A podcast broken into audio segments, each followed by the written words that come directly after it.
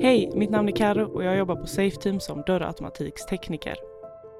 Varje dag skapar jag trygghet tillsammans med dig som kund genom lås, larm, kameror, passersystem och dörrautomatik. Det roligaste med mitt jobb är att få träffa er kunder och lösa era problem. Vi är ett himla gött gäng och jag tror det återspeglas i våran service till dig som kund genom att ge dig ett snabbt och ärligt svar i alla lägen. Välkommen till Safeteam, din partner i säkerhet. Vill ert företag också höras här i Trygghetspodden och nå en målgrupp som är genuint intresserad av säkerhets och trygghetsfrågor? Däribland många makthavare och beslutsfattare. Gå då in på poddhuset.se och läs mer om hur ni kan marknadsföra er i Trygghetspodden. Alltså poddhuset.se.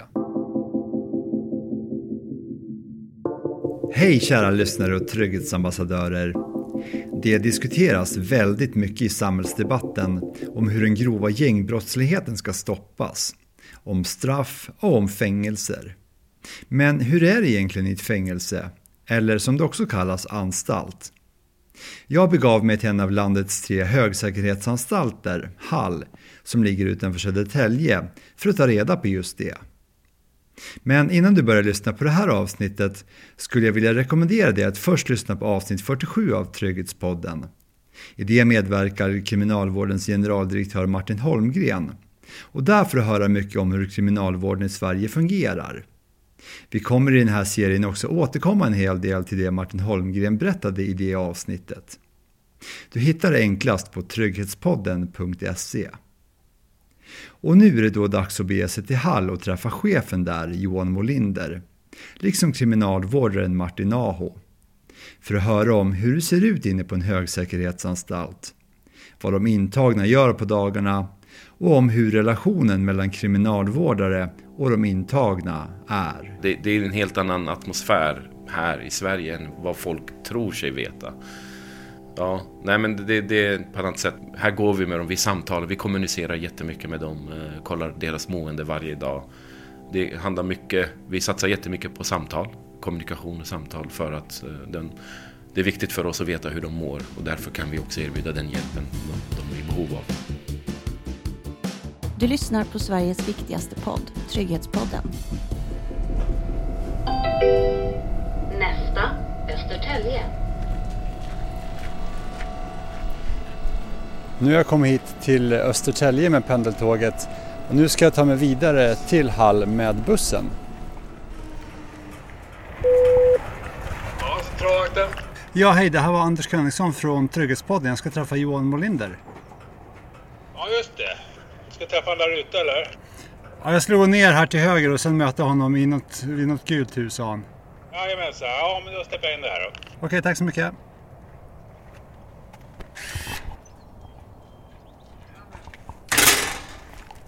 Hej! till anstalten. Anders. Trevligt. Då har du fått en rejäl promenad nu då? Ja, jag fick mig en liten snabbmarsch här. Ja, Ja, så lyssnarna vet det så skulle jag tagit en buss här men den var tydligen inställd så nu fick jag ta mig en liten eh, rask promenad här på morgonen på tre kilometer. Ja, det ser man. Det blir trevligt. Men solen skiner och det är en härlig dag Härlig ändå. dag, blå himmel. Så att det här blir trevligt, det ser jag fram emot. Ja, det ska bli intressant att se och höra här hur det är på Hall. Mm, verkligen, det är förberett. Dels jag kommer ju naturligtvis vara med och sen också ytterligare en kriminalvårdare som heter Martin Aho. Kommer vara med som anslut lite senare. Ja, nu har vi gått in här genom centralvakten och går in genom en till grind och nu ska vi gå in här i själva byggnaden. En gul tegelbyggnad. Då kan du gå rakt fram till höger.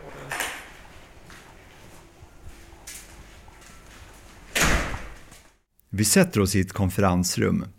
Där inne ser det ut som på vilket kontor som helst med stolar och bord. Skillnaden är att när jag tittar ut genom fönstren är där det höga stängslet som jag nyss kom in igenom.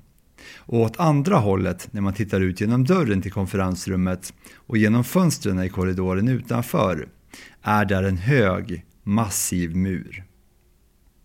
I den här miniserien kommer ingen intagen att medverka. Det kommer att bli sådana avsnitt längre fram i Trygghetspodden. Men nu ska vi enbart höra de som arbetar på en anstalt. Jag heter Johan Molinder, är anstaltschef på Hall. Har arbetat i kriminalvården i lite drygt 20 år. på olika nivåer och i olika funktioner. Bland annat på säkerhetsavdelningen på huvudkontoret. Hur länge har du varit anstaltschef här på Hall? På Hall har jag varit anstaltschef i lite drygt ett halvår nu. Tidigare var jag anstaltschef på anstalten och häktet i Skänninge i fem år. Som är en av landets största anstalter och häkten. Nu är vi alltså mellan det första stängslet som är det yttre skalskyddet och sen är vi sen innanför här så är det muren och då kommer man in på själva anstalten. Och eh, många av lyssnarna hade säkert gärna fått följa med in dit och eh, lyssna hur det låter där inne och så. Men det går inte. Varför inte då? Nej, vi tar ju inte in några innanför vår, vårt skalskydd så att säga. Det gör vi i sällsynta fall, men inte journalister. Det har ingenting att göra med att man är journalist naturligtvis. Utan där inne har vi en väldigt hög säkerhet med allt vad det innebär. Så att det, det är ytterst sällsynt att någon annan än, än vi som arbetar i kriminalvården är, är där inne. Vi ska börja den här miniserien med en ganska grundläggande fråga. För Hall kallas ju för en anstalt, men det kan också kallas för ett fängelse. Hur är det med de här två olika begreppen, anstalt och fängelse? Är det precis samma sak eller finns det någon skillnad? Jag skulle säga att vi använder ju både anstalt och eh, fängelse i vår kommunikation, så att det är samma sak. Vad bra, då har vi rätt ut det. Nu är vi då alltså inne på Hall och det här är en av sju anstalter, eller då fängelser, i Sverige som har den högsta säkerhetsklassen, klass 1. Och här finns också en så kallad säkerhetsavdelning. Och det gör det bara på tre anstalter i Sverige. Här, på Kumla och på Saltvik som ligger utanför Härnösand. Om vi börjar här då med säkerhetsklass. Vad innebär det att en anstalt har säkerhetsklass 1? Kriminalvården eh, har ju valt att dela in eh, alla anstalter i tre olika säkerhetsklasser. Och det är ju av säkerhetsskäl. Man, man ska ju inte som intagen placeras säkrare än nödvändigt. Och därav har vi den uppdelningen så att man blir rätt placerad utifrån de förutsättningar som gäller i enskilda fallet. Och det finns då alltså tre olika säkerhetsklasser. Kan du kort bara redogöra för de här tre säkerhetsklasserna, vad det innebär? Ja, den eh, lägsta säkerhetsklassen, säkerhetsklass 3 då, det är ju där man oftast brukar säga öppna anstalter. Det saknar ju rymningsskydd eh, kan man säga. Det, det är möjligt att rent fysiskt ta sig ut därifrån. Man är förvisso övervakad eh, med fotboja. Men det går rent fysiskt att ta sig ut därifrån. Säkerhetsklass 2 kan man enklast, det är en sluten anstalt.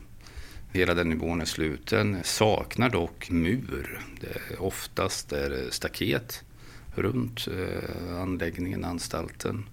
Och på säkerhetsklass 1 så är det då murar runt anläggningen. För när man kommer hit till Hall så ser man ju mest stängsel, inga murar. Men det är alltså murar här också? Ja, precis. Du gick igenom det första, det yttre stängslet, det första stängslet. Sen finns det ju sektionerat i olika nivåer så att säga. Det är många olika skalskydd som du säger innan man kommer in på själva anstalten eller in på bostadsavdelningen. Och det här med säkerhetsavdelning då, vad innebär det? Precis som du nämnde inledningsvis så, så, finns det ju tre stycken avdelningar i kriminalvården där vi har en förhöjd säkerhet. Och det är en direkt konsekvens av det som inträffade 2004 med väpnade fritagningar och rymningar från flera av våra anstalter. Och då valde man då att placera då en avdelning på de tre anstalterna som du nämnde. Kumla, Saltvik och Hall. Så enklast att beskriva det här så är det ju en anstalt i anstalten med en förhöjd säkerhet eh, ytterligare då. Och de andra fångarna som inte finns här eller intagna, de kan inte ta sig in då på den här särskilda säkerhetsavdelningen och vice versa? Nej, det kan de inte göra och det gäller ju för övrigt även alla intagna. En anstalt på, på Halls nivå, både i, man pratar antalet intagna och säkerhetsklass, är ju sektionerade i olika områden. Så att det man, det man ser utifrån är ju en stor mur. Men på insidan är det ju uppdelat så att avdelningar träffar ju inte varandra så att säga. Det finns ju inga beröringspunkter däremellan. Så att en anstalt i säkerhetsklass 1 och även 2 består ju i praktiken, eller är ju i praktiken, flera olika anstalter. Så att... De här säkerhetsavdelningarna kallas för Fenix. Varför då? Det är för att rent eh, visuellt ser de ju ut som fågel Fenix. Alltså. Man tittar på dem uppifrån. Så byggnaden ser ut som Fenix. Så kan man säga. Och det är likadant på alla de här tre anstalterna? De är identiskt byggda. De ser precis likadana ut. Och jag har ju en tät samverkan med, med cheferna på Kumla och Saltvik. Och det är ju samma kategori klienter som sitter på de här avdelningarna. Så att det finns ju ett visst rotationssystem också för att ytterligare förhöja säkerheten. Vi ska strax återkomma till vilka det är som finns här. Men jag ska fråga en annan sak först. För nu har vi rätt ut det här med vad säkerhetsklass är och vad en säkerhetsavdelning är. Men allmänt då, för den som inte har varit inne på Hall eller på någon anstalt överhuvudtaget, och det har de flesta medborgare inte. Men hur skulle du beskriva anstalten i stort? Nu har du varit inne lite grann på det. Mm, anstalten i stort, bakom murarna, det är ju ett samhälle i samhället. Vi har ju 70 olika yrkesgrupper som arbetar i kriminalvården eh, och på Hall.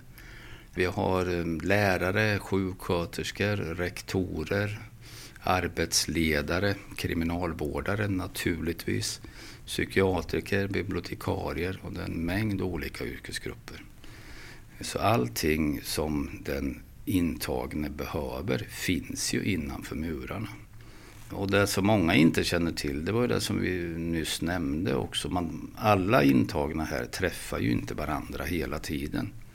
Det finns väl en uppfattning, eh, vill jag tro, eller jag märker det ibland, att man tror att alla går i en stor klump eller hög tillsammans innanför murarna. Men så är det inte alls. Vi, behåller de intagna i, i små grupper och man träffar ett begränsat antal intagna varje dag som intagen. Då, så att, för den bilden som många har av en anstalt, det är väl förmodligen den man får från amerikanska fängelsefilmer. Och det är ofta att det står en stor grupp människor ute på någon rastgård och sen så pratar de eller planerar olika saker eller så. Men så är det alltså inte på en svensk anstalt? Så är det inte på en svensk anstalt och när jag har mm, externa besök inne på anstalten så slås ju många av den tystnad som är. Man, man, man ser ju inte särskilt många intagna tillsammans utan vi håller dem i små grupper av säkerhetsskäl. Så. Vi har fått lära oss i myndigheten historiskt vad som kan hända. Tänker närmast på Tidaholmsbranden 94. Stora incidenter som, som vi har lärt oss av. Så, så vi håller de intagna i små grupper och vi gör det i huvudsak av säkerhetsskäl. Det här kanske inte alla känner till. Tidaholmsbranden, vad var det för något? Det var ett stort eh, upplopp 1994 på anstalten Tidaholm i Västergötland. Så det fick ganska stora konsekvenser. Man brände ner bland annat hela eh, produktionsanläggningen på anstalten. Så det är förvisso länge sedan nu, men man, om man tittar historiskt tillbaka så har vi lärt oss ganska mycket i kriminalvården av händelser som har inträffat som har fått allvarliga konsekvenser. Alexander är ju ett annat exempel. 1998 var det väl, 99. Vi har också rymningarna då nu och de väpnade fritagningarna 2004 anstalten Norrtälje, anstalten Hall, Kumla, Mariefred. Då höjdes ju säkerhetsarbetet avsevärt och det är där vi ser det pågår ju fortfarande det arbetet naturligtvis. Så att vi följer utvecklingen på, på många olika sätt. Och, och sen hade vi också det tragiska häktesmordet 2011 också. Som vi också har lärt oss väldigt mycket av. Så att vi, vi utvecklas i takt med samhället i övrigt förstås. Och, och drar lärdom av tidigare erfarenheter. Så har det varit och så kommer det fortsätta vara också. Och sen har vi omvärldsanalyserar hela, hela tiden eh, vårt arbete. Och vi, nu har vi en enhet på, på huvudkontoret som arbetar med omvärldsbevakning. Så det gäller att följa utvecklingen och gå fort nu. Okej, så då har vi fått en lite bättre bild. Men rent så här, om man tänker inne på själva anstalten. Du säger att det finns olika avdelningar och så. Hur många avdelningar finns det och hur ser det ut på en avdelning? En normalavdelning på Hall eh, består, det ser lite olika ut, men ungefär 50 intagna. Som i sin tur är då uppdelade, den byggnaden är uppdelad i fyra olika avdelningar. Där man då inte träffar varandra så att säga, utan Vi, vi slussar, transporterar intagna. Det är en minutoperativ verksamhet. Så, nu har vi fått en övergripande bild av hur det ser ut inne på Hall och varför det ser ut som det gör. Då dyker såklart fler frågor upp. Som, vad händer när en intagen först kommer hit? Vad gör de som arbetar på anstalten? Och mycket annat. Och det ska Martin Aho, som är kriminalvårdare på Hall, reda ut. Jag heter Martin Aho har arbetat 21 år här på anstalten Hall som kriminalvårdare. Och har arbetat på de flesta avdelningarna och i olika positioner. Lite kort, vad gjorde du innan du blev kriminalvårdare här på Hall? Jag gick ett, ett halvår i, i Södertörns högskola. Sen jobbade jag en kort stund på Scania. Och eh, jag var blott 20 år gammal när jag började. Så att eh, det gick snabbt efter skolan faktiskt. Vad gör en kriminalvårdare? En kriminalvårdare eh, ska ju se till att först och främst vi har ett bevakningsuppdrag att upprätthålla en hög säkerhet på en klass 1-anstalt. Därefter att kunna bistå de intagna med, med diverse hjälp som de behöver under dagen. Att eh, transportera dem till olika verksamheter som de har. Och eh, ingå i andra arbetsgrupp. Att utföra det, det dagliga säkerhetsarbetet som finns på varje avdelning. Kan du beskriva vad händer med en person från att den får sin dom i rätten och sen lämnar häktet tills den kommer hit till Hall? När domen vinner laga kraft då ska man ju få en placering utifrån vad man är dömd för. Där klassificeras man då i vilken hög av säkerhet man ska verkställa i. Sen eh, kommer man till anstalten och då får man en placering. När man väl har fått en placering, det första man gör när man kommer till anstalt det är att upprätta en verkställighetsplanering för den intagen. Vad den ska göra under sin verkställighet. Exempelvis eh, vilka behov den har, om det är eh, vilka program den är i behov av. Man behöver plugga upp sina gymnasiebetyg om man inte gått klart skolan. Och sen tilldelas också olika arbeten, vilka arbeten man ska... Det, det är mer individanpassad eh, en verkställighetsplanering som man ska genomföra under sin verkställighet. Och det ingår också är... Eh, när man blir intagen på anstalt så får man ju en eh, särskilda villkor för det mesta. Och där också står det när man kan ansöka till lägre klass. När man kan börja ansöka om permissioner. Så nu har du varit inne lite grann på vägen då från häktet tills den kommer hit. Lite mer utförligt så, vad händer sen när den kliver in här genom grindarna? När den kliver in innanför grindarna så skriver man in, det kallas för ett inskrivningssamtal. Man skriver in den intagen, går igenom hans tillhörigheter, vad han får ha med sig upp till avdelningen och vad som ska gå ner till förrådet. Man gör idag en, en suicidscreening, kollar hur den intagne mår. Därefter så kommer personal från den avdelningen han ska verkställa i att hämta honom och då går man upp då till avdelningen och det första man gör är att man går in till administrationen. Där håller man ett till inskrivningssamtal där man går igenom avdelningsrutiner, vad han ska förhålla sig till, hur det ser ut. Man ger en uppsättning kläder och eh, därefter tar man ett urinprov för att se så att inte den intagen har eh, vet, narkotika i, i kroppen.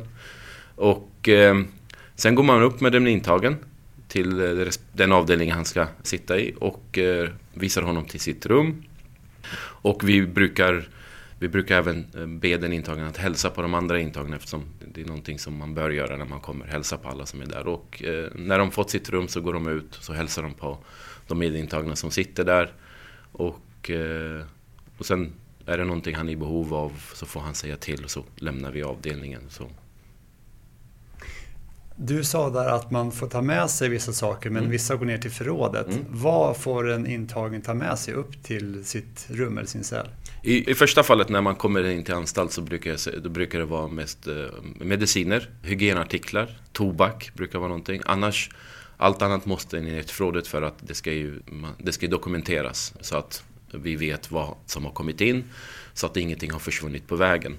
Och allt som är av värde och kommer inte komma upp till avdelningen. Exempel som smycken, vigselringar, klockor. Det sparas ner i ett säkerhetsförråd som han har och kommer ligga där tills eh, han VFar eller flyttar till en anstalt som följer med då i transporten. Vad innebär VFar? VFar, villkorlig frigivning. Det är när hans straff tar slut. Då, då brukar det vara de två tredjedelarna som de avtjänar. Hur är det med till exempel om man har böcker och sådana saker? Får man ta med sig sånt? Det, det, kan man ta med sig. Som sagt, man får med sig bara det viktigaste så att man klarar sig över några dagar. Sen som sagt, allting måste ner till vårt centralförråd där man dokumenterar allt. Sen eh, har varje avdelning har ju olika dagar där de eh, kan ansöka om saker från, sin, eh, från sitt förråd. Och då fyller man i en, en hemställan där han skriver exakt vad han vill få upp. Och är det tillåtet att få upp dem, då kommer han få upp det. Är det inte tillåtet så kommer han inte få upp det. Men till exempelvis böcker och sånt där brukar vi, allt så måste vi gå igenom så att inte det finns något kontraband i tillhörigheterna från tidigare anstalter eller häkten. Martin Holmgren, er generaldirektör, berättade ju när han var med i det avsnittet att om det här med att det görs individualiserade bedömningar av de intagna och att det som också lägger grunden för vilken vård en intagen ska få, vilka avdelningar de ska placeras på, olika former av risker och så vidare. Precis som du varit inne på här nu. Rent konkret då, den här bedömningen, vad innebär det i praktiken här på Hall för vart de placeras?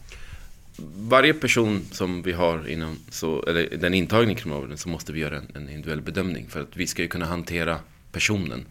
Och det, det är, varje person kommer ju med ett bagage och det handlar också om hur, hur man bemöter. Det är viktigt för personalen att ha den här kännedomen så att man, när vissa personer har svårt med språket eller har svårt med negativa beslut och då måste man ju anpassa de förhållandena när man ska träffa dem. Sen har du ju det med, med placeringen, det, det, är ju det är inte kriminalvårdarna som gör det, det är ju exempelvis det är placeringsenheten som gör det. Det är utifrån då gängtillhörighet, eh, om, om det finns eh, underrättelseinformation om att den här personen kan inte sitta med vissa personer. Och eh, därefter placeras man ju utifrån, för att de har ju koll på vilka som sitter vart. Så att eh, det är den individuella bedömning som, som vi gör. En person som har dömts då till ett mycket långt fängelsestraff, många år, eller kanske till och med livstidsfängelse. Går det att säga generellt, i vilket modus brukar den vara när den kommer hit till anstalten? Generellt sett, som det har skrivits om också, häktestiden är ju jättejobbig eftersom eh, du är under rättegångsförhandlingar och, och, du sitter för det mesta isolerad själv. Jag brukar säga de, de när de kommer till anstalt så brukar de vara i god mod. För att eh, då känner de att nu kan jag verkligen verkställa mitt straff. Nu, nu kan jag göra någonting. Så de brukar vara lättade när de kommer hit. Om det är första gångsdömda är de lite mer förståeligt lite rädda. De har aldrig varit inne på anstalt. Men generellt skulle jag säga att de som kommer från häktet brukar vara i god mod och lite lättade. Att de, nu kan de verkligen bättre verkställa sitt straff. Upplevs det av de intagna som jobbigare att vara i häktet än att vara på anstalt? Av vad man har frågat eh, så ja, de upplever häktet mycket, mycket jobbigare än, än inne på anstalt. Inne på anstalt när man kommer in som sagt då, då kan man börja verkställa. Sen de intagna har ju, de får ju laga mat själva så de har en budget som de eh, får förhålla sig till där de får laga sin egen mat till skillnad från häktet. Men man, får, man serveras den maten som finns där. Och sen också att man, man får träffa andra, man får gå och träna, man får gå och jobba, man får gå, börja gå i skolan och gå program. Så att, eh, ja. Så kan man säga att livet blir lite mer meningsfullt när man har kommit till anstalt kontra hur det är på häktet? Absolut, ja. Det, så skulle jag säga. Jag har inte jobbat på häktet så att, eh, det här är bara mer utifrån när, när de intagna kommer utifrån samtalen vi har med dem. Som, det är det här de upplever själva. Att de får rutiner i, i sin vardag, vilket är ju jätteviktigt här inne. Träningsrutiner, matrutiner och schemarutiner, hela den biten. Och det är lite svårt när man sitter på häktet under, under rättegången. Så att eftersom under häktestiden så får man ju även sitta med andra ifall det finns ett behov. Men de flesta sitter isolerade, avskilda. Okej, du berättar om vad som händer när den intagne först kommer hit. Vad händer sen? En dag består av att vi låser upp klockan 07.00 de intagna går upp, äter frukost. De flesta intagna har ju då en, en, eh, de är anvisade till en viss sysselsättning. Så att man skulle säga att ungefär 45 minuter efter upplåsning så, så ska man ju transportera dem då till den anvisade sysselsättningen eller om man ska gå till skola. Och då är man där ungefär i cirka tre timmar. Och sen ungefär vid halv elva, elva så kommer man tillbaks till avdelningen och eh, äter lunch och en kort promenad. Och därefter vid ett-tiden så är det åter då till anvisad sysselsättning eller skola eller program. Och där är man där då fram till klockan vissa till tre, fyra. Så kommer man tillbaks, äter middag och sen har vissa avdelningar då sporthallstid som sträcker sig då fram till klockan sex kan det vara. Och därefter går man tillbaks till avdelningen om man ska göra sig en nattmacka, göra ordning saker, det brukar vara olika. Och sen påbörjar vi inlåsningen då kvart i sju. Och sen låser vi in och sen är det nattvakterna som tar över anstalten. Så under dagen har de intagna hela tiden någonting de gör? Ja, det, det är ett fullspäckat schema. Som sagt, de enda gångerna de är tillbaka till avdelningen är ju under lunchtid och middagstid. Sen kan det vara så att om en intagen är sjuk, då är man sjukskriven. Då kvarstannar man på avdelningen och kvarstannar man på rummet tills man är frisk. Då. För bilden man får upp i huvudet, det är att ni då tar med de här, att ni går till en annan avdelning, att man går genom korridorer och det är dörrar som låses och låses upp och så. Är det så?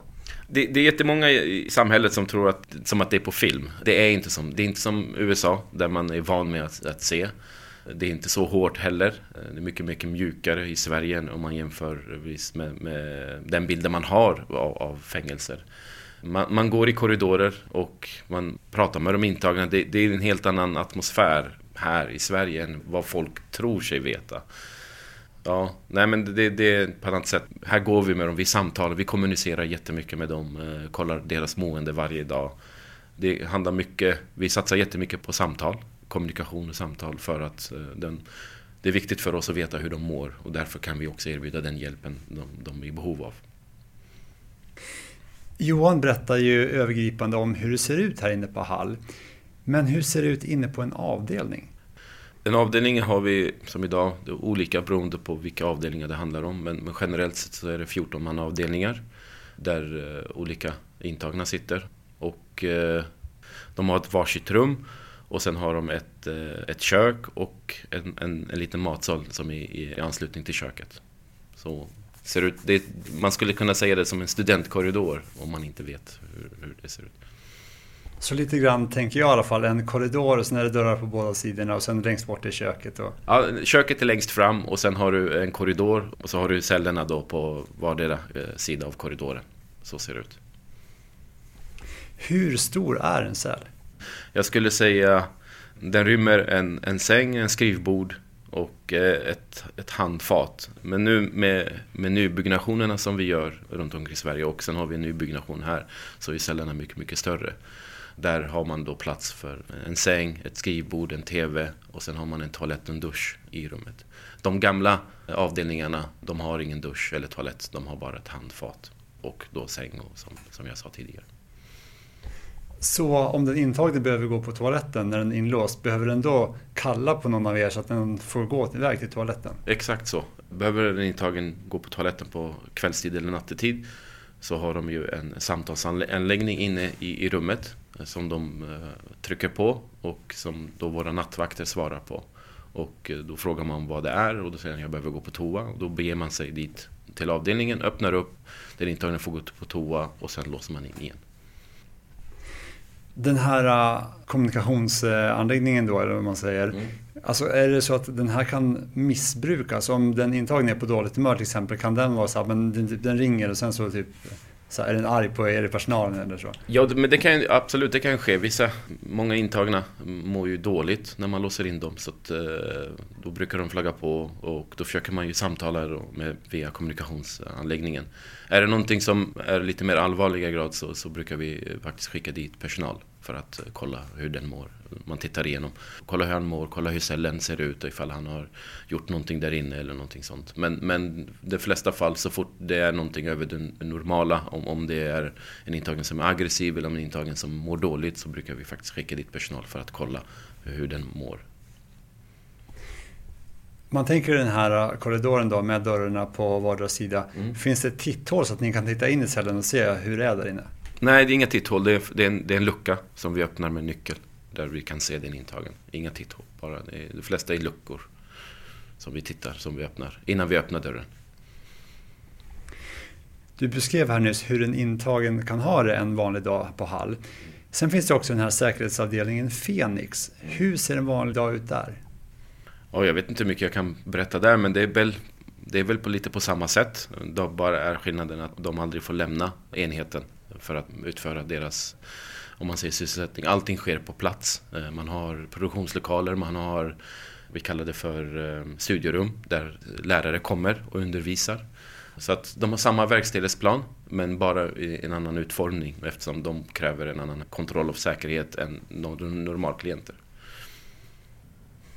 Nu beskrev du ju lite grann hur en vardag är på avdelningen. Så. Har de också möjlighet att komma utomhus? Har ni rastgård till avdelningarna till exempel? Ja, var, varje hus, om man säger så. I ett hus så finns det flera avdelningar, men varje hus har en promenadgård på, som de går ut till. Och eh, de flesta är ganska stora, där man kan faktiskt eh, promenera. Vi, idag har vi fotbollsplaner också, som de kan, fotbollsplan, en liten basketplan som de kan eh, utöva någon sport där. Och en, en promenadgång. Och hur lång tid under en dag kan de vara ute på den här rastgården? Generellt som eh, lagstadgat så måste vi erbjuda en timme promenad om dagen och eh, den timmen då förlägger vi då under dagen. Om det är, beroende på hur verksamheten ser ut. Men generellt skulle jag säga en, en halvtimme förmiddag, en halvtimme på eftermiddag. Men det kan skilja sig från olika, hur, hur avdelningen är och eh, vad de har för saker att göra. Är de då flera samtidigt? För du sa där att det finns möjligheter till bollaktiviteter till exempel. Eller är man enskilt ute på rastgården? På varje hus så har du fyra avdelningar och vi brukar vill, man brukar säga att man tar ut två avdelningar åt gången. Så att man, man ska kunna ändå upprätthålla en hög säkerhet och bevakning. Och eh, alla kan inte gå med alla så att det är också en aspekt som man, som man har i beaktning i alla fall. Men man skulle säga att max 28 stycken samtidigt skulle jag säga idag. I det förrförra avsnittet av Trygghetspodden Brottslighetens kostnader pratar vi om vad brottsligheten kostar samhället och skattebetalarna. Och en del av det är ju anstalterna. Så hur mycket kostar en intagen per dygn här på Hall? Johan Molinder berättar att en normalplats kostar omkring 4 000 kronor per intagen och dygn. Och på säkerhetsavdelningen Fenix omkring 6 000 per intagen och dygn.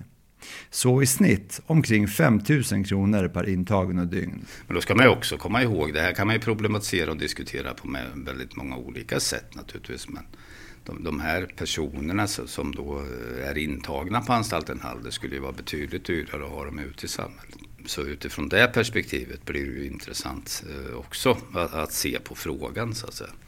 Så 5 000 kronor tycker jag är rimligt. Och du som vill höra mer om det här med kostnader för vad brottsligheten är och eh, hur mycket en brottsling kan kosta per år, eller till exempel vad ett helt gäng kostar per år. Du kan gå in och lyssna på det avsnittet, alltså brottslighetens kostnader. En annan sak som brukar diskuteras i samhällsdebatten är det här med maten för de intagna.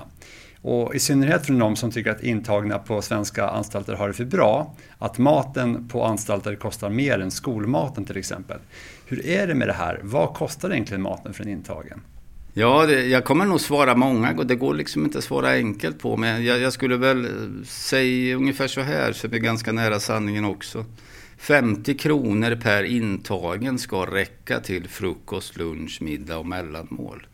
Sen, sen, ser det lite olika ut. Vi har lite olika modeller för mat beroende på vilken avdelning man är placerad på. Vi har ju exempelvis det vi kallar självförvaltning. Då lagar de intagna sin mat själva. Då får de en budget och sen får de genom oss naturligtvis handla råvaror och laga sin mat.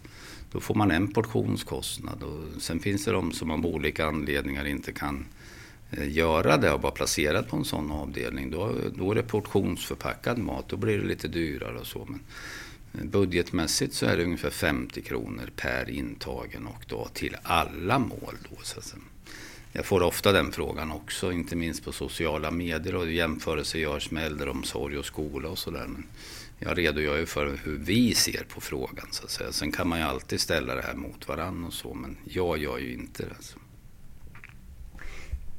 så hur är det, finns det en matbutik här inne som de intagna kan gå och handla i? Nej, det finns inte en matbutik. Om vi pratar om de avdelningarna som har den så kallade självförvaltningen då. Det är ju inte bara matlagning. Där tvättar man ju kläder och sådär själv också för att göra det så normalt som möjligt. som det är i många hushåll på utsidan så att säga. Det är ju en del av sysselsättningen då, den här självförvaltningen. Men då beställer man mat av personal och sen har ju vi ett system där vi förser dem med råvaror. Så det är ju inte alldeles okomplicerat att få in varor på Hall utan allting genomlyses ju innan det kommer in och så. Sen, då finns det mm, x antal varor att välja mellan och sen så bestämmer man på avdelningen vad man ska äta och sen så beställer man det via personal. Så det finns ingen butik att gå och handla i. Men det här med självhushåll, innebär det då att de har ett kök som de kan laga maten? Ja, det stämmer. Det stämmer. De har, det finns ett kökspentry på, på nästan alla avdelningar där man kan laga. Ett fullt utrustat eh, kök då med allt, allt man behöver för att laga. Och då är det mm, en eller två intagna per avdelning som då har det som ansvar att laga mat. Det är en del av sysselsättningen av återanpassningen till samhället. För då dyker tanken upp att i ett kök så finns det ju vassa föremål som knivar och gafflar och så. Hur är det här då? Ja, men det har vi bra koll på. Det, det, rent säkerhetsmässigt är jag inte det minsta bekymrad för det. Det, det är väl förankrat och vi har kloka och bra strategier för att hantera det. Men finns det till exempel vassa knivar så i köken? Det finns det man behöver för att laga mat på, eh, på det sätt som är nödvändigt. Så det gör det. Så där får lyssnarna tänka lite själva. Du har alltså varit anstaltschef här på Hall i ett halvår. Sen som vi kunde höra så var du anstaltschef tidigare också. Har du någon dag eller något tillfälle under den här tiden som du minns särskilt tydligt? Det finns många exempel på det. det. det. är ju ett väldigt spännande arbete på alla nivåer och de kriminalvårdare jag pratar med de, de trivs ju väldigt mycket med det de arbetar med och så. Det händer ju mycket saker. Så det, det, det, finns många exempel, både gällande incidenter inne på anstalten förstås naturligtvis. Och, men även i enskilda fall. Jag, jag, får ju många brev från tidigare intagna och sånt som, som har verkställt straff i kriminalvården. Och man får höra att de kanske har gift sig eller skaffat familj eller att det går bra för dem. Den, den typen av händer ju det som på något sätt berikar hela arbetet. Det är därför vi arbetar så hårt och målmedvetet. Alla som är på Hall eller på Skänningen där jag var tidigare. Och sådär. Men den utveckling vi ser nu det, det är något annat i samhället i stort. Så de, hela, hela verksamheten håller ju på att förändras och det, det, läser vi om dagligen. Och det är ju väldigt, väldigt operativ verksamhet just nu och vi har det ju ansträngt innanför murarna. Så är det. Och jag tycker det är ganska rimligt på något sätt. Just i Hall då, vi, vi, har ju 200 personer då intagna här på anstalten ungefär som, som är dömda och nästan alla till, till långa straff för grova brott. Det är klart det händer olika saker i en sån miljö. Det, det tror jag alla förstår. Och, och, det ökar också förståelsen för det komplexa uppdrag vi har. Så det, det händer saker ofta. Men det jag minns särskilt det är ju de här historierna när man får höra att det har gått bra för intagna som varit placerade på Hall eller Skänningen. Det, det värmer ju hjärtat extra mycket, inte minst utifrån ett samhällsperspektiv. För varje enskild intagen vi lyckas med, alltså, som inte återfaller i, i kriminalitet efter frigivning, så är det en oerhörd besparing för samhället. Det ska ju också vägas mot den kostnaden när vi pratar om det här med dygnskostnader eller matkostnader och så. Det här är ju personer som kostar väldigt mycket på utsidan. Kan vi på olika sätt bidra till att de inte fortsätter sin kriminalitet efter frigivning så är det en vinst för, för alla. Och det är ju det mantrat jag försöker trumma in i alla som, som lyssnar på mig när jag pratar i olika sammanhang, inte minst sånt här sammanhang vi lyckas med väldigt många fall. Kriminalvården som helhet, är ju 70 procent återfaller ju inte, eller döms ju inte till ny påföljd efter villkorlig frigivning.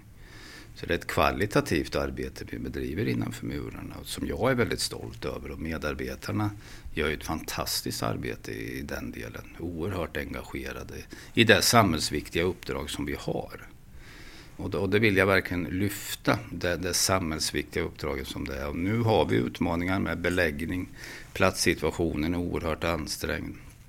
Vi lyckas inte rekrytera den mängd medarbetare som vi behöver. Så läget är ett annat nu, det är ingen tvekan om det. Och vi måste ställa om, precis som jag gjorde den där historiska tillbakablicken förut. Nu står vi inför ett vägval, både som samhälle och myndighet. Och det måste vi hantera på ett klokt och bra sätt. Och det tycker jag att vi gör också.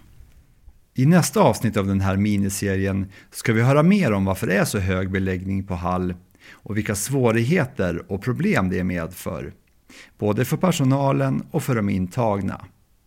Men en sak jag funderar på nu, utifrån det Johan Molinder och Martin Aho har berättat, är hur de intagna tycker att livet inne på Hall är. Det är väl inte roligt att sitta i fängelse. Deras frihet tas ju bort. Och det här är ju högsta graden av säkerhet. Många tycker om det. Många är ju, gillar ju den här kontrollen och den här fyrkantigheten för det är enkelt. Vissa vill ju hellre söka sig till lägre klass, öppnare anstalter. Det, är olika, där måste man fråga de intagna. Men eh, utifrån min erfarenhet så, så är det mer att man gillar fyrkantigheten. Att, att man har sina rutiner och det är enklare att, att verkställa sitt straff när, när man har tydliga rutiner och, och vet vad man ska göra om dagen. De gillar inte när det blir för rörigt och när de inte får veta eller, eller när inte de vet hur dagen ser ut. Så att då skulle jag säga då att eh, högre klass bruk, har vi, det är mer fyrkantigt och eh, tydliga rutiner än lägre klass. För någonting jag har läst är att många av de som är intagna på anstalter runt om i landet har ju olika former av diagnoser. Mm. Och de här diagnoserna kan också vara kopplat till att man upplever att det kan vara skönt att det finns just rutiner. Mm. Är det här någonting som ni märker av, att, som du beskriver här, att det är just därför de kan tycka att det är skönt att det finns rutiner? Det, det är många som har olika diagnoser och alla, alla anstalter har rutiner. Det bara är att det, det är mer fyrkantigt ju högre upp högre klass du kommer. Och eh, de som har diagnoser vill ju då ha det så fyrkantigt som möjligt. De vill ha raka svar. Det ska vara ja eller nej. De klarar inte av... Det blir jobbigt för dem när, när du svänger med dina svar. Om, om, du, om de inte får ett tydligt svar. Så det blir jättejobbigt för dem. Men, men generellt sett så alla intagna vill ha raka svar. Då vet man om, om de ställer en fråga. Är det ja så är det ja. Är det nej så är det nej. Lägger man dem mitt emellan så, så då börjar de älta på det. Ska jag få det eller ska jag inte få det? Eller blir det av eller blir det inte av? Och då blir det bara jobbigt för dem. Så det är enklare med, med fyrkantighet och, och, och, raka svar. Så ni är väldigt raka i er kommunikation med de intagna? Alltså, så gott det går. När det kommer till förfrågningar om, om de vill ha någonting eller om, om de begär någonting så är det raka svar. Men sen utför vi ganska många öppna samtal med dem. Eh, om mående, framtidsplaner. Vi försöker vi ska ju behandla dem som människor och vi ska se dem som människor. Eh, de har utfört ett brott och, och den, vi lägger inte så mycket vikt på den så. Det, det är mer, vem är personen vi bemöter? Vem är människan vi bemöter? Så att eh, det finns alla slags av samtal som vi har inne på anstalten. Martin Holmgren berättar ju i det avsnittet att ni som är kriminalvårdare får en speciell relation till de som är intagna. Hur ser den relationen ut? Den ska vara, jag brukar säga att det, det ska vara en, en, professionell relation eftersom vi är här som eh, kriminalvårdare. Och relationen handlar om att bygga upp en tillit så att de, de också kan tala om när det är fel eller när det blir fel eller när de inte mår bra. Vi, vi träffar ju dem ganska ofta, vi har ju långa arbetstider. Så att man bygger upp en, en, vad ska vi säga, en, en professionell relation för att eh, också vi ska kunna se ifall det är någonting som är fel. Det är inte alltid de vill prata men då ska vi kunna då se utifrån beteendet om det är någonting som inte stämmer överens. Vi, blir, vi är jätteduktiga på att läsa av beteenden. Det är det som kännetecknar en, en duktig kriminalvårdare idag. Att, att ibland ska vi kunna se saker utan att de säger någonting. Så att den här relationen är ju, jag skulle säga, den är ju A och O. Men det är viktigt också att hålla den professionell. Med tanke på att när du jobbar med människor och när du jobbar med människor som har känslor så är det lätt hänt också att man, vi dras in i det. Men därför har man man har ju kollegor som stöttar en och man ska prata öppet om vilka samtal man har så att man inte då blir för emotionellt involverad i det. Och det finns alltid en risk för det när du jobbar med människor och när du jobbar med människor som har känslor. För det låter som att ni blir väldigt nära då de intagna. Om man tittar på en dag, hur mycket tid tillbringar ni tillsammans med en intagen? Vi har ju så olika funktioner som kriminalvårdare. När man jobbar på en avdelning, så, som jag beskrev tidigare, en dag är fullspäckad med aktiviteter. Så att eh, ibland är det bara att, faktiskt att man, man bara transporterar dem från punkt A till punkt B. Och sen på vägen dit så kan man ju då eh, samtala med dem om det är någonting. Eh, annars har vi ju då, vi har ju kontaktmän som jobbar med de intagnas verkställighet som sköter ganska mycket av kommunikationen också.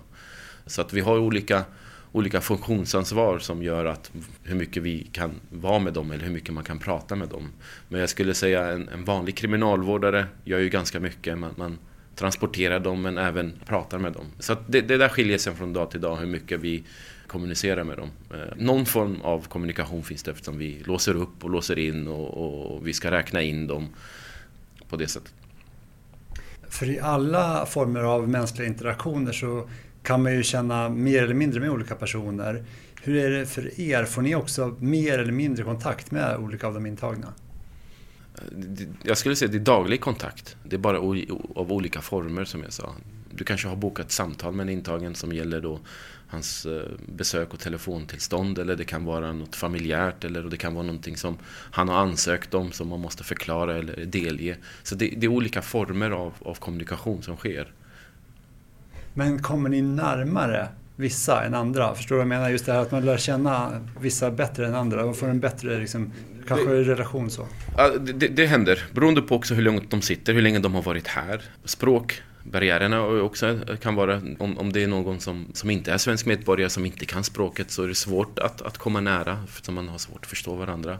Men absolut, så det är klart att vi kommer varandra, man kommer varandra nära. Det handlar mer om att vi, vi lär känna personen på ett annat sätt, för att då, för oss handlar det om att lära känna den intagne så att vi också kan göra ett bra jobb och sen upprätthålla en hög säkerhet. Det är det det handlar om, att, att hela tiden lära känna dem så att vi också kan vara ett steg före om, om som jag sa till dig, det, ibland räck, det, det, behövs inte för att prata med dem för att se hur de mår. Det, det är beteendet som vi ser, om, om det avviker från dag till dag.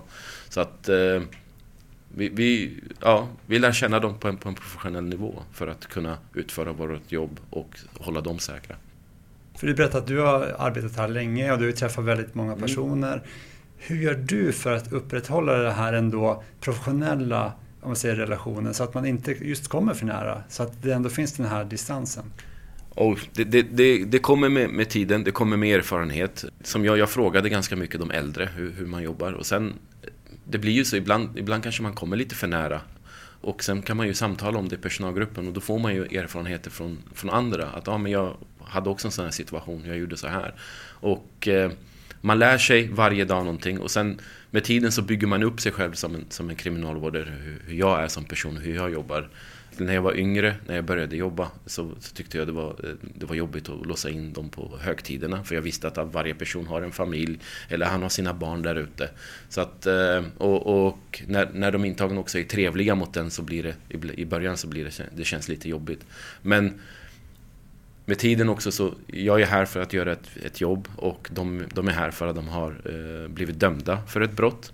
Och när man kommer upp i ålder och erfarenhet så kan man balansera det på ett mycket, mycket bättre sätt. Men jag skulle säga i början av våren så, så går man igenom hela den här känslokarusellen. Men det som är så skönt med, med kriminalvården, speciellt anstalten Hall, det är att det finns alltid någon att prata med. Det finns där man kan prata, men det här, det här händer just nu så här kände jag. Och då får man ju feedback på det och, och så får man också verktyg för att kunna bygga på det. Så att, eh, ja men det är, en, det är en känslokarusell som man genomgår här. Men som man bygger upp och blir mer då, vad ska jag säga, professionellare och, och bättre på det ju längre tiden går. Du beskrev här att ni har mycket samtal internt mellan olika kriminalvårdare. Hur mycket internutbildningar och så, vidareutbildningar har ni som kriminalvårdare? Oj, eh, vi har ganska mycket internutbildningar. N när du börjar eh, så får du genomgå en kriminalvårdsutbildning och den har ju förändrats genom åren. Idag är den, jag har inte den i huvudet eh, helt och hållet, men där du, beroende på om du jobbar i, i Stockholmsregionen så går ju själva utbildningen i Stockholm. Där du träffar flera från andra anstalter, häkten, frivårdare, där man går igenom samma utbildning, där man tränas i, i samtalsmetodik och vi tränar även nödvärn och eh, lär oss alla föreskrifter och lagar så vi kan komma och göra ett korrekt jobb. Sen är det ju mycket, ganska mycket vidareutbildningar också. Beroende på sen vilket, vilken funktion du har så utbildas du i det också. Så att jag skulle säga att vi, vi utbildar ganska mycket. Så varje position, varje ny funktionsansvar man får som kriminalvårdare så utbildas man i det. Du har hört ett avsnitt av Trygghetspodden. Fler avsnitt finns på trygghetspodden.se i nästa avsnitt av Trygghetspodden. Helt klart är det så att hot och våld både mellan intagna och riktat mot personal har ökat. För vi får in en annan grupp intagna nu och det går fort. Vi har också en 25-procentig dubbelbeläggning på Hall vilket i praktiken betyder att man låser in två intagna i ett bostadsrum eller en cell. Då. Och det påverkar också vår förmåga att eh, bedriva en kvalitativ kriminalvård. Det är ingen tvekan om.